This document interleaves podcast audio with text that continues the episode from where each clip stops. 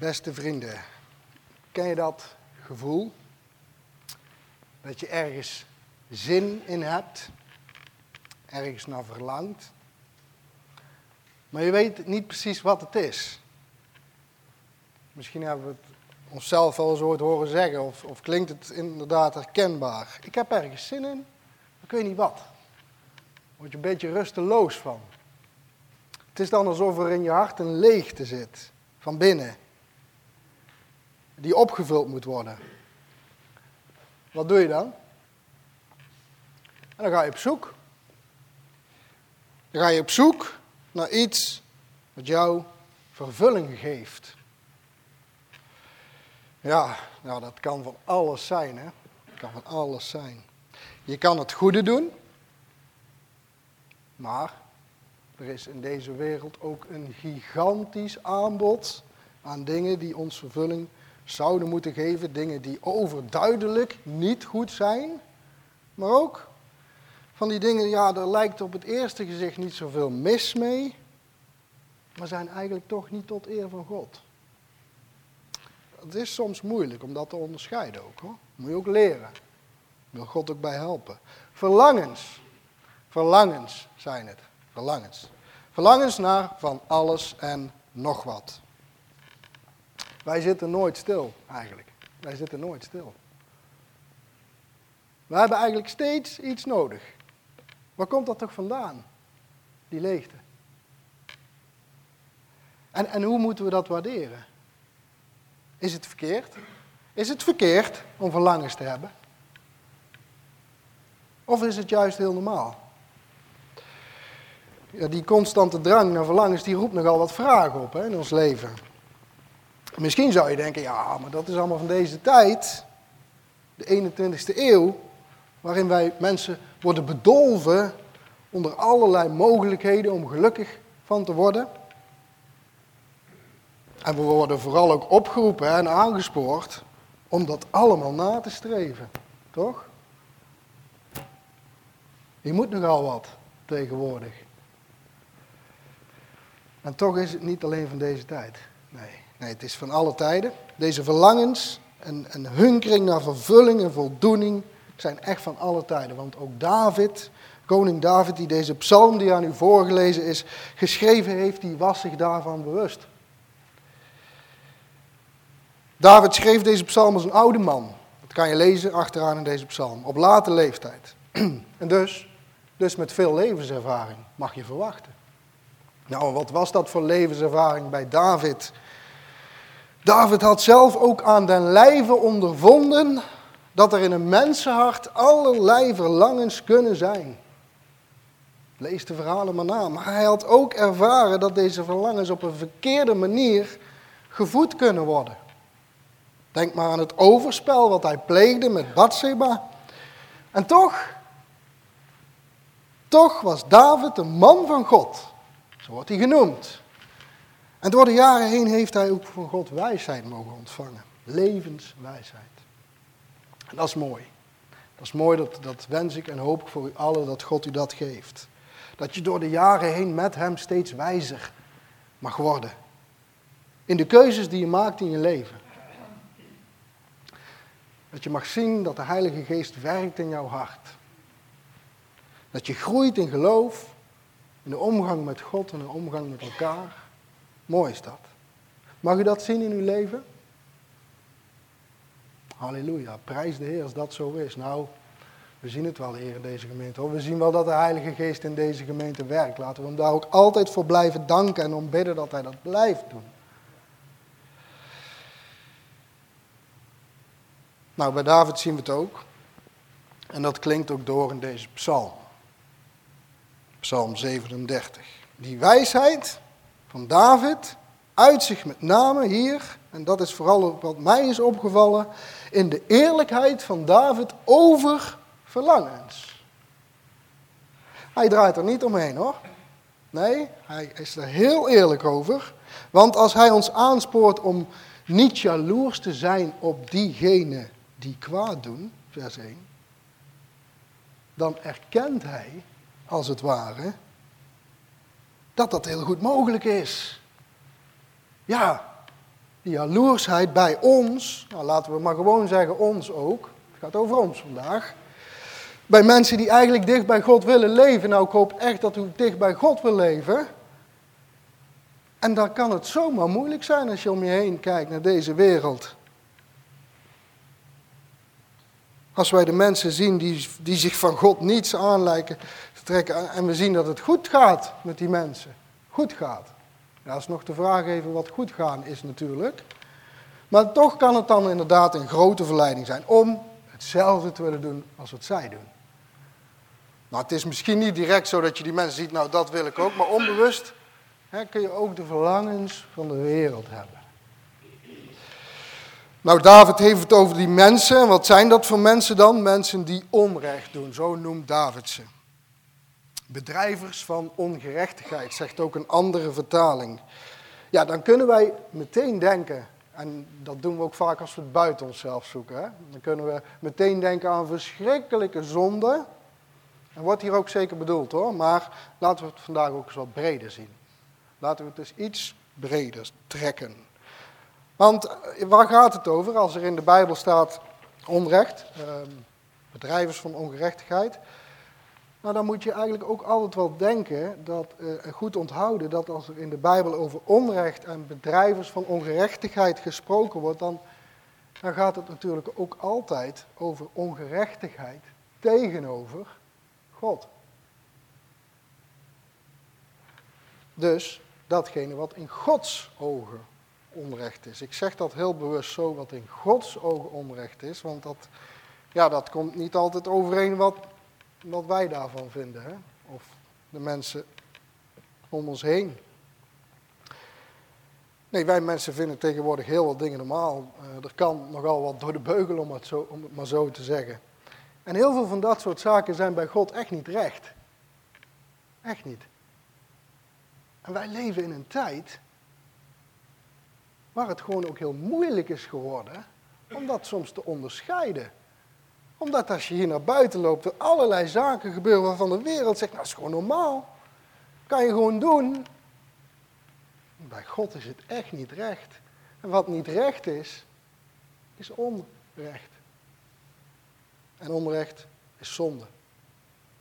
En zonde is je doel missen.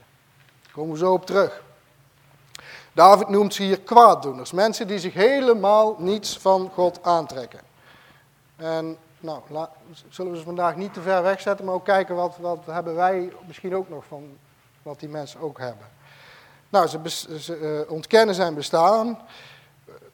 Zo moet je dat wel bedenken. En God zegt, God zegt vandaag tegen ons, God zegt vandaag tegen ons, wees daar nou niet jaloers op. Het kan heel aantrekkelijk lijken om je normen en waarden te laten verslappen, waardoor het lijkt dat je misschien gelukkiger wordt, meer vrijheid krijgt. En God zegt vandaag tegen ons, tegen u, tegen mij, doe het niet. Doe het niet. Word niet als de mensen in deze wereld. En we waren zelf ook zo, misschien zijn we zelf ook nog zo. Word niet zo, blijf niet zo als de mensen die in deze wereld enkel hun eigen verlangens nastreven. Nou ja, toch wel heel moeilijk misschien. Want ja, als het lijkt dat het gewoon goed gaat, eh, eh, ze hebben gewoon een geweldig leven toch? Ze halen het beste uit het leven. Ze doen precies wat ze willen en lijken ermee weg te komen. Het gaat ze goed. Waarom zouden wij niet zo kunnen leven? Maar nee, nee. Nee, zegt de Heere God hier ons in deze psalm, want als gras zullen zij verdorren en als groene grasscheutjes zullen zij verwelken. Beste mensen, we moeten daar heel eerlijk over zijn. Alles wat niet tot eer van God leeft, heeft geen goede toekomst bij God. In het evangelie van Matthäus lezen we het zo, lezen we dat de bijl al bij de wortel van de bomen ligt. Elke boom die geen goede vrucht voortbrengt, die wordt omgehakt en in het vuur geworpen. Het kan voor even een prachtige boom zijn in deze wereld, maar als het geen mooie boom is voor God, dan is het met het oog op de eeuwigheid van korte duur. En daarom spoort David ons aan. In vers 3 en 4. Vertrouw op de Heer en doe het goede. Bewoon de aarde. Voed u met trouw. Schep vreugde in de Heer. En dan zal Hij u geven. Nou, zo mag je het wel lezen. Zal Hij u geven wat u verlangt. Vertrouw op God. Doe het goede. Bewoon de aarde. Voed u met trouw allerlei opdrachten. Schep vreugde in de Heer en dan die geweldige belofte. Dan zal Hij u geven wat uw hart verlangt. Wat is hier nou in de hand? Wat gebeurt hier nou? Als je dit leest, dan zie je dat woord hè, waar we mee begonnen zijn. Verlangens. Eigenlijk zie je hier de erkenning van God dat wij een verlangen hebben. Ja, hij weet het. Hij weet het wel hoor. Hij kent onze verlangens wel. En het mooiste is dat hij ze wil vervullen. Daar mag je blij van worden. Ja, er is inderdaad een leegte in ons hart. Er is een leegte in ons hart die opgevuld moet worden. Dat hoeven we niet te ontkennen. En in essentie is dat ook niet verkeerd. Het is juist goed. God heeft u zo geschapen. Wij zijn geschapen met een hart dat ergens naar verlangt. U bent geschapen met een hart dat ergens naar verlangt. En waarschijnlijk is het u ook al opgevallen in uw leven. Maar er is een probleem. Er is een probleem. En ik wil u dat vandaag zo zeggen. Wij zijn allemaal geboren met een geestelijk gat in ons hart. Zo worden wij geboren. Wij missen iets. We zijn niet compleet. En dat is het gevolg van de zondeval. Dat is het gevolg van het feit dat, dat wij, de mensheid, ervoor gekozen hebben om zonder God verder te willen gaan. Zonder God te willen leven. Ja, en daardoor moeten wij mensen nu leven met een brandend verlangen in ons hart. Een brandend verlangen om dat lege gat op te vullen. De Franse theoloog en natuurkundige Blaise Pascal zei: Er is een verborgen verlangen naar God in het hart van elk mens. Er is een verborgen verlangen in het hart van elk mens. En het grote probleem daarvan natuurlijk is dat het verborgen is. Het is inderdaad een verborgen verlangen. We weten niet wat we daarmee aan moeten. Het is als ware alsof wij een, een puzzelstukje van onszelf kwijt zijn. En laat het nou net het belangrijkste stukje zijn van de puzzel die, de, die mens heet. En dat, dat stukje, dat past precies hier in je hart. En we zijn het kwijt. We zijn het kwijt. En we weten, we weten niet eens hoe het eruit ziet. Laat staan dat we weten hoe of waar we ernaar moeten gaan zoeken. Wij weten uit onszelf simpelweg niet dat het enkel en alleen God is die ons hart kan vervullen. En dat maakt van ons onrustige mensen op zoek naar vervulling, voldoening, zingeving, geef het maar een naam. En die wereld hier buiten, die is vol met puzzelstukjes. En die lijken te passen, maar het is het allemaal net niet. En dan moeten we weer verder zoeken. En dan moeten we weer verder zoeken. En dan worden we zo moe van. Augustinus zei het als volgt: Onrustig is ons hart totdat het rust vindt in God. Een aantal weken geleden ging ik met mijn vrouw een dagje naar Keulen. Keulen, grote stad in Duitsland. Een metropool, meer dan 1 miljoen inwoners. Dan dacht je in zo'n stad laat iets zien van de onrust die er in de mens is. Nou, wij liepen daar in die stad en dan zie je, zie je duizenden mensen. Duizenden mensen door die, door die straten, door die winkelstraten. Winkel in, winkel uit. Druk, druk, druk. En, en, en die winkels die zijn allemaal gevuld, hè? Allemaal gevuld. Ja, Tini moet erom lachen. Nou, ik ken ze een beetje, dus ik snap al waarom ze nu lacht. Ja. Je hebt er ook wel moeite mee soms, hè? die winkels. Ja, nou wij ook wel hoor. Ja, ja, winkels, gevuld met allerlei dingen. Hebben we die allemaal nodig? Ja, natuurlijk hebben wij wat nodig. Eh, kleding, voedsel, maar waar liggen die winkels vol mee? En het is maar een voorbeeld hoor. Hebben, eh, hebben we dat echt allemaal nodig, wat er in die winkels ligt? Het wordt je wel wijs gemaakt. Het wordt je wel wijs gemaakt. En we maken het onszelf ook wijs. Hè? Ja, daar zijn we ook goed in. We maken het onszelf ook wijs. En dan kijken we rond, dan kijken we wat de ander heeft. En dan denk je, ja, dat moet ik ook hebben. Jongen, jongen, wat zijn we toch dom eigenlijk met z'n allen, hè? Lopen elkaar maar een beetje achterna. Jongen, jongen. Ja. We maken het onszelf wijs. En denken dat het ons voldoening geeft. Ja, ik zeg het altijd, die winkels, dat is, dat is een voorbeeld, maar, maar zo is het dus van alles. Hè? Van alles waar we onze verlangens mee vullen. Nou, laten we, laten we nou eens ook niet meteen te snel zeggen dat het allemaal niets is en dat het ons niets kan bieden. Want in de wereld is het juist heel wat. Luister goed, daarom is het ook zo gevaarlijk. David zegt, ontsteek niet in woede over hem wiens weg voorspoedig is. Het kan dus in de wereld zonder God. Het kan de mens voorspoedig gaan in de wereld zonder God. Een mens die zonder God leeft, het kan hem voorspoedig gaan. Op een werelds niveau. Daar zeg ik er al bij. Op een werelds niveau. Er kan blijdschap zijn. Nou ja, natuurlijk. We kunnen niet zeggen dat als we hier de deur uitlopen dat we nergens blijdschap zien. Dat, dat, dat klopt niet. Dus er kan blijdschap zijn in de wereld, vreugde. Maar die wereldse voorspoedigheid, blijdschap en vreugde, dat is een schijnvervulling vergeleken bij de vreugde die God u wil geven. Van korte duur. Nou, zo zijn er mensen die zeggen, ik heb God helemaal niet nodig om gelukkig te zijn, om vreugde te hebben in mijn leven. En ze zijn gelukkig en ze hebben vrede, maar niet de vreugde die God wil geven. Wij zijn zo snel tevreden, mensen. Wij zijn eigenlijk veel te snel tevreden. Psalm 16. Overvloed van blijdschap is bij uw aangezicht.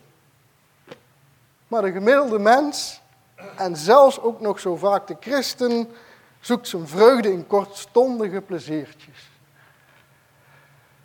We zijn zo snel tevreden. Onze verlangens zijn veel te klein met het oog op de vreugde die God ons wil geven. Nou ja, je zou kunnen zeggen, het is eigenlijk alsof we allemaal op zoek zijn naar die, naar die mooiste parel die er is in de wereld, die ons de grootste vreugde zou moeten geven. Maar we weten niet hoe die eruit ziet. En we weten hem niet te vinden. En we gaan er op zoek en vervolgens vinden we iets en we denken het gevonden te hebben en we blijken tevreden te zijn met een handvol kiezelsteentjes. Smerige kiezelsteentjes. Daar zijn we dan tevreden mee. Misschien denkt u, nou ja, waar is nou de nederigheid? We mogen toch ook tevreden zijn met wat we hebben? Als ik u nu zeg dat die parel Jezus Christus is, Stel je voor dat er, je komt de verjaardag bij een goede vriend of vriendin van jou. Je neemt een prachtig cadeau mee. En diegene zegt vervolgens, nou ik hoef het niet. Neem maar weer mee. Dat is geen nederigheid. Dat is pure afwijzing. En zo wijs je ook God af. Als je de hoogste vreugde niet bij Hem zoekt. En daarom zegt hij vandaag tegen ons: schep vreugde in mij. En dan zal ik u geven wat uw hart verlangt. En dat is een hele bijzondere, waardevolle opdracht en belofte van God aan ons vandaag. Zeker in het licht waarop, hè, van waar we net over nagedacht hebben. God zegt als het ware, laat de wereld het maar zoeken in kortstondige pleziertjes, maar jij kiezelsteentjes. Hè? Laat de wereld het maar zoeken in kiezel. Maar jij verheug jezelf in mij. Schep vreugde in mij. In de Here. En het is ook alsof hij tegen ons zegt, ik weet het. Ik weet dat de verlangens van deze wereld jou kunnen misleiden. Maar alles, alles wat je nodig hebt, ben ik. En dat kan moeilijk zijn. En het is zo fijn dat de Heere God ons vandaag laat zien dat Hij dat weet. Dat we niet hoeven te denken, nou, ja, dat, hij, hij staat als het ware naast ons en hij zegt, ik snap het, ik, ik weet het. En dat kan heel moeilijk zijn. En velen van ons weten het ook. Ik weet het dat jullie het ook weten. Dat je kan vastzitten aan allerlei wereldse zaken. Verslavingen, macht, geld, seks. Noem het maar op. Je, kunt daar dingen van noemen, maar het, is eigenlijk altijd te kort. Want bij de ene is het dit en bij de andere is het het andere waar hij zijn vreugde in zoekt. Vanmorgen zei iemand tegen mij, geld is een illusie. Ja, inderdaad. In deze wereld kan het heel wel zijn. Je hebt het nodig ook. Maar als het je hoogste vreugde schept, als het dat je hoogste vreugde is, nou, dan, dan, dan ben je eigenlijk kiezelsteentjes aan het verzamelen ten opzichte van die parel die Jezus Christus heet. Het zijn eigenlijk alle dingen waar jij voldoening in zoekt en je vertrouwen op stelt. Het zijn gewoon afgoden. Laten we het gewoon maar eerlijk zo noemen. Het zijn gewoon afgoden. En de Heere God zegt vandaag, ik weet het, ik weet het. Het lijkt erop alsof u ze nodig hebt, maar ik ben het die u mist. Ten diepste komt dat brandende verlangen naar wat dan ook, voldoening, wat dan ook, voort uit het feit dat wij Hem gewoon niet kennen. Of niet goed genoeg kennen. Als we dan nu hier binnen zijn en zeggen volgelingen van Jezus Christus te zijn en nog steeds met kiezelsteentjes in de weer zijn, dan kennen we Hem niet goed genoeg.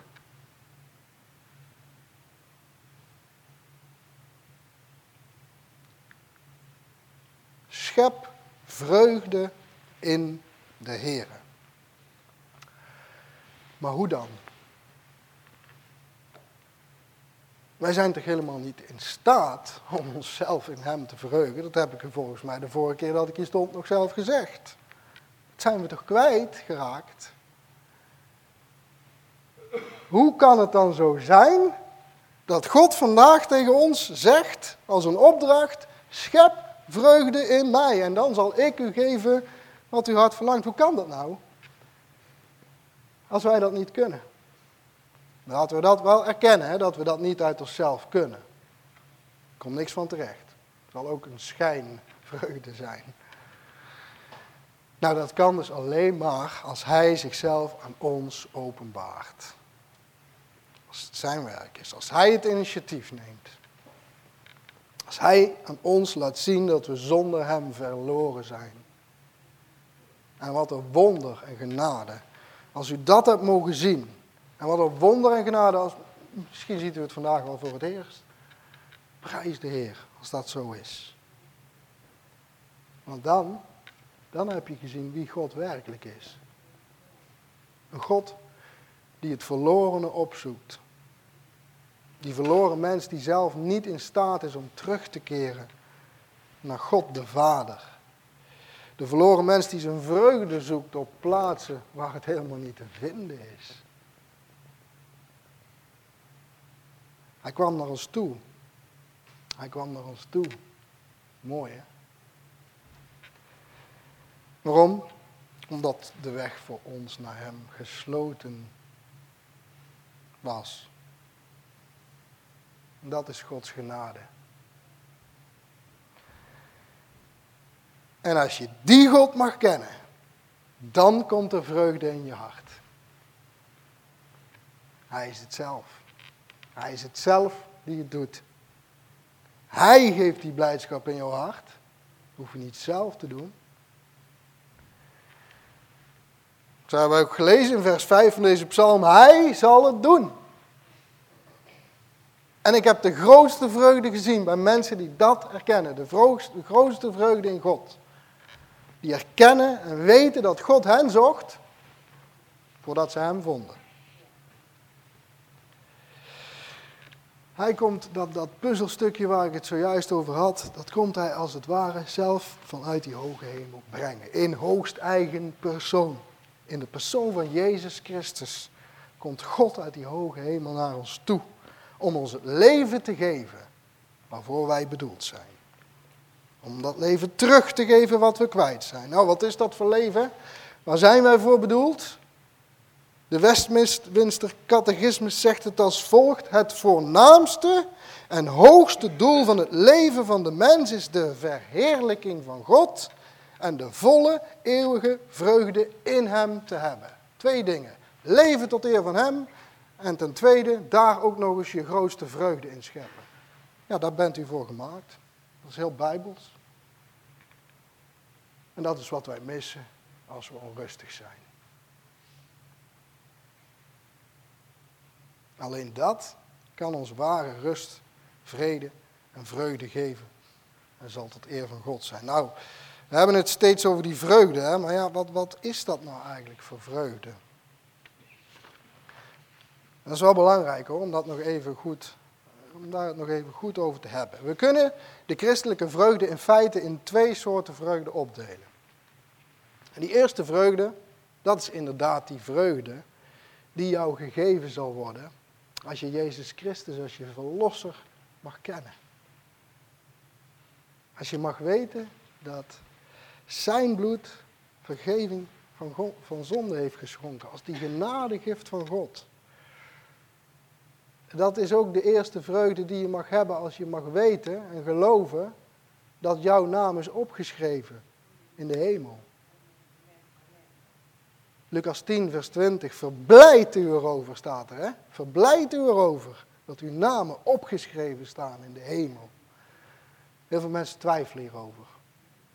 Het kan zomaar zijn. Maar als je altijd maar in de twijfel blijft, kom je nooit tot die eerste vreugde, tot die volle vreugde En, en die twijfel die wordt eigenlijk veel te vaak veroorzaakt doordat we te veel naar onszelf kijken, naar ons eigen gebrek en te weinig naar die God die volmaakt is en een volmaakt reddingsplan heeft. Die eerste vreugde is ook de vreugde die je mag ontvangen, omdat er hoop is in Hem. Psalm 23, 33, vers 21. Want ons hart is in Hem verblijd, omdat wij op Zijn heilige naam vertrouwen. Die vertrouwen geeft hoop en hoop geeft vreugde. Nou, die eerste vreugde dus. Ik hoop dat u hem mag hebben. Ik weet dat velen onder ons hem hebben. Die moet er zijn. Die moet er zijn om die tweede vreugde kunnen kennen. Ik, ik ga vandaag niet, en dat moeten we niet verkeerd begrijpen, ik ga vandaag, is niet de bedoeling dat er twee soorten fases van christendom kunnen zijn, van christenen kunnen zijn. En dat je nog een stapje hoger kunt. Nee, nee, nee, zal ik het vandaag zo zeggen. Het is gewoon de bedoeling dat je allebei die soorten vreugde kent. Dus als je alleen die eerste vreugde kent, dan kom je eigenlijk gewoon heel wat tekort. Die eerste moet je hebben om de tweede te kunnen ervaren en te kunnen delen. En die eerste vreugde komt dus met het rechtvaardig makende werk van Jezus Christus door de Heilige Geest in uw hart.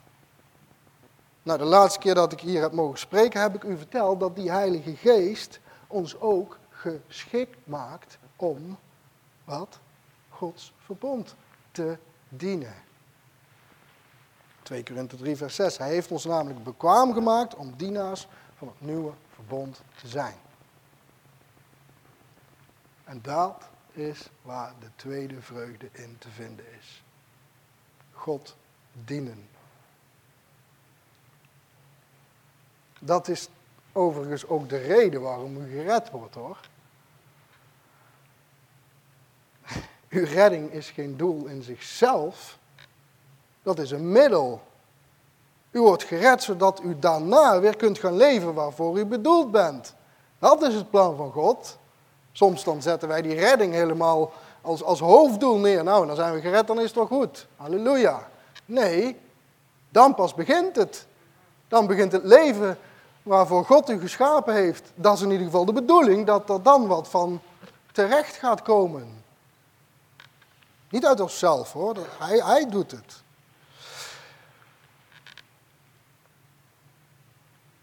Jezus zegt, wie mij lief heeft, houdt mijn geboden. En laat het nou net zo zijn dat in het, dat in het houden van zijn geboden de volgeling van Christus zijn grootste vreugde vindt. Wat heeft, de wereld, wat heeft God de wereld toch mooi geschapen eigenlijk. Dat alles zo klopt.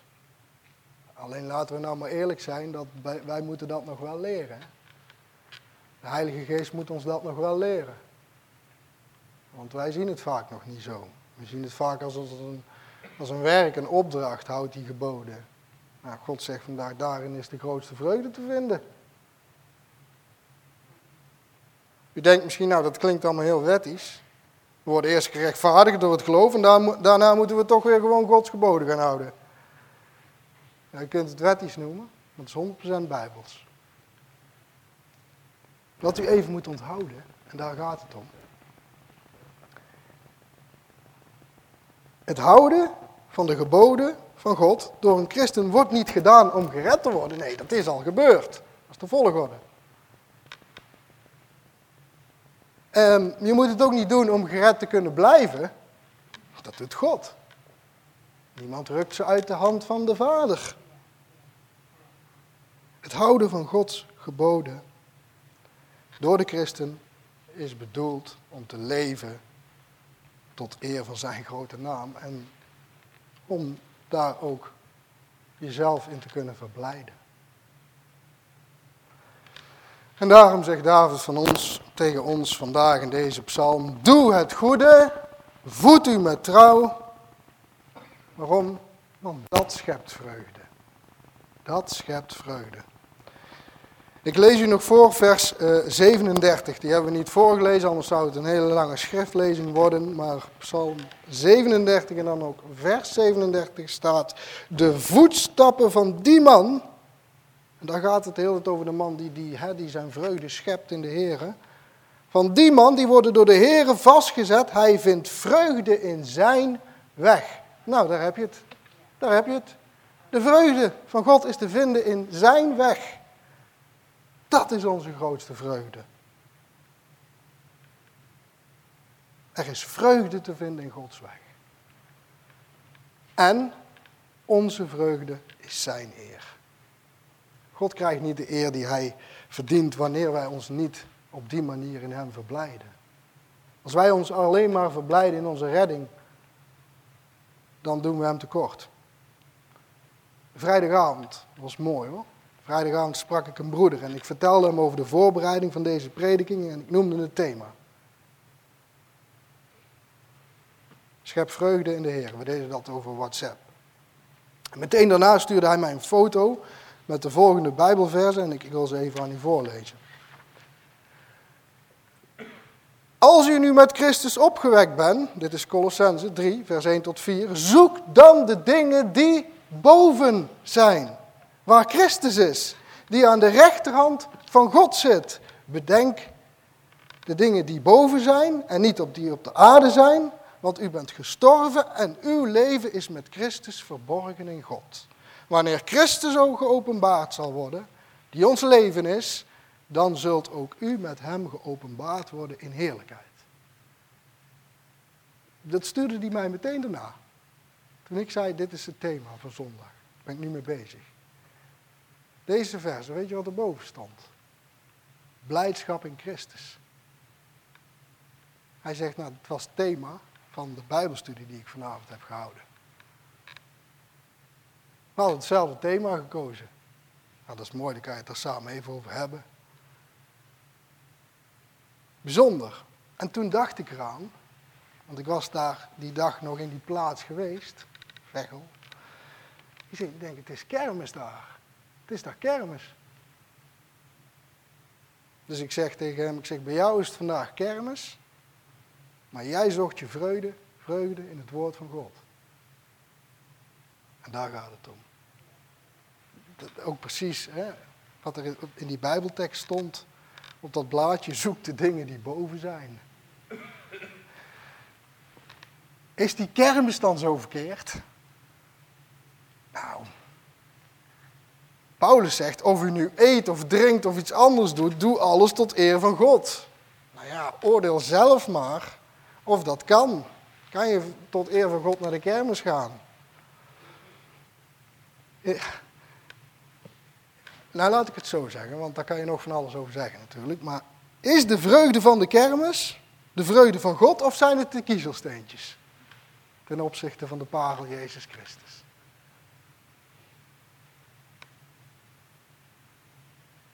Ten opzichte van die parel waar zij zich vrijdagavond rondom Gods woord om verheugd hebben. Met dat mooie thema blijdschap in Christus. Ja, nou, dan hoor ik u misschien ook wel denken. Ja, maar jij ging met je vrouw naar Keulen. En je liep daar in de winkelstraten. Ja, dat is ook zo. Dat is ook niet makkelijk. Het is ook niet makkelijk. En daarom vandaag ook deze prediking. En, en ook vooral voor mezelf hoor. Ik kom ook nog wel wat kiezelsteentjes tegen in mijn leven. Daar mogen we ook eerlijk over zijn. Hè? Over onze kiezelsteentjes. Maar één ding weet ik. Er komt een tijd dat er geen kermis en geen winkelstraat in Keulen meer nodig is om vreugde in de Heer te vinden. Nou, daar mogen we ons op verheugen, op die tijd. Op die dag zal er enkel en alleen vreugde in de Heer zijn. Volmaakte vreugde. En nu, nu mogen we wat van proeven. Als een voorsmaak op die nieuwe hemel en nieuwe aarde. Ja, nou kan je nog steeds zeggen, dat is wel een hele optimistische kijk op het christelijke leven. Er is toch ook lijden in ons leven? Hoe zit dat dan? Jazeker. Begrijp me niet verkeerd. Vreugde in God betekent niet dat het altijd voorspoedig gaat. Nee, de vreugde van God is juist een vreugde die dat soort aardse omstandigheden, nood en zo, overstijgt. Waardoor u in uw nood nog steeds kunt zeggen, in hem vind ik mijn vreugde. Nou, en als God dat gedaan heeft, dan komt hij tot zijn eer.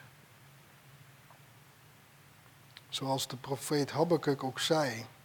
Al zou de vijgenboom niet in bloei staan en er geen vrucht aan de wijnstok zijn, al zal de opbrengst van de olijfboom tegenvallen en zullen de velden geen voedsel voorbrengen, al zal het kleinvee uit de kooi verdwenen zijn en er geen rund in de stallen over zijn, ik zal dan toch in de Heere van vreugde opspringen, mij verheugen in de God van mijn heil. We gaan daar zo ook van zingen. Ja, ik kan u als laatste niet meer zeggen dan dit. Doe het goede en voed u met trouw, want daarin is de ware vreugde te vinden. Daarmee is God geëerd. Hij heeft ons zo geschapen dat wij in het doen van Zijn wil de meeste vreugde zouden scheppen. En zoals ik al zei, dat moeten we leren. En de Heilige Geest wil u daar echt bij helpen. Ga het dan ook niet zelf doen, maar laat de Heilige Geest u in uw hart overtuigen wat de wil van God is. Pas als u gaat leven naar zijn wil, komt hij tot zijn eer. Nou, dan kan je ook denken, is dat nodig? Heeft God dat nodig dan? Nee. Dat is het mooie eraan. God heeft helemaal niets nodig, want hij is compleet in zichzelf. Maar dan blijft er maar één ding over. Hè? Dan blijft er maar één ding over. Dan blijft er over dat hij het gewoon heeft gewild. Het is gewoon zijn wil. Het is gewoon zijn wil. En dat is genade ook. Hè? Het is gewoon zijn wil dat u en ik en wij en ik hoop nog veel meer mensen hier in Ude, Vechel en omgeving zouden meedelen in zijn vreugde. Hij heeft het gewild. Is uw leven ook nog vol met kiezelstenen? Breng ze bij het kruis. Breng ze bij het kruis, daar waar betaald is voor al die keren dat we niet tot eer van God hebben geleefd. En grijp die parel. Doe de kiezelstenen weg, maar grijp die parel die Jezus Christus heet, waarin de ware vreugde van God te vinden is. Amen.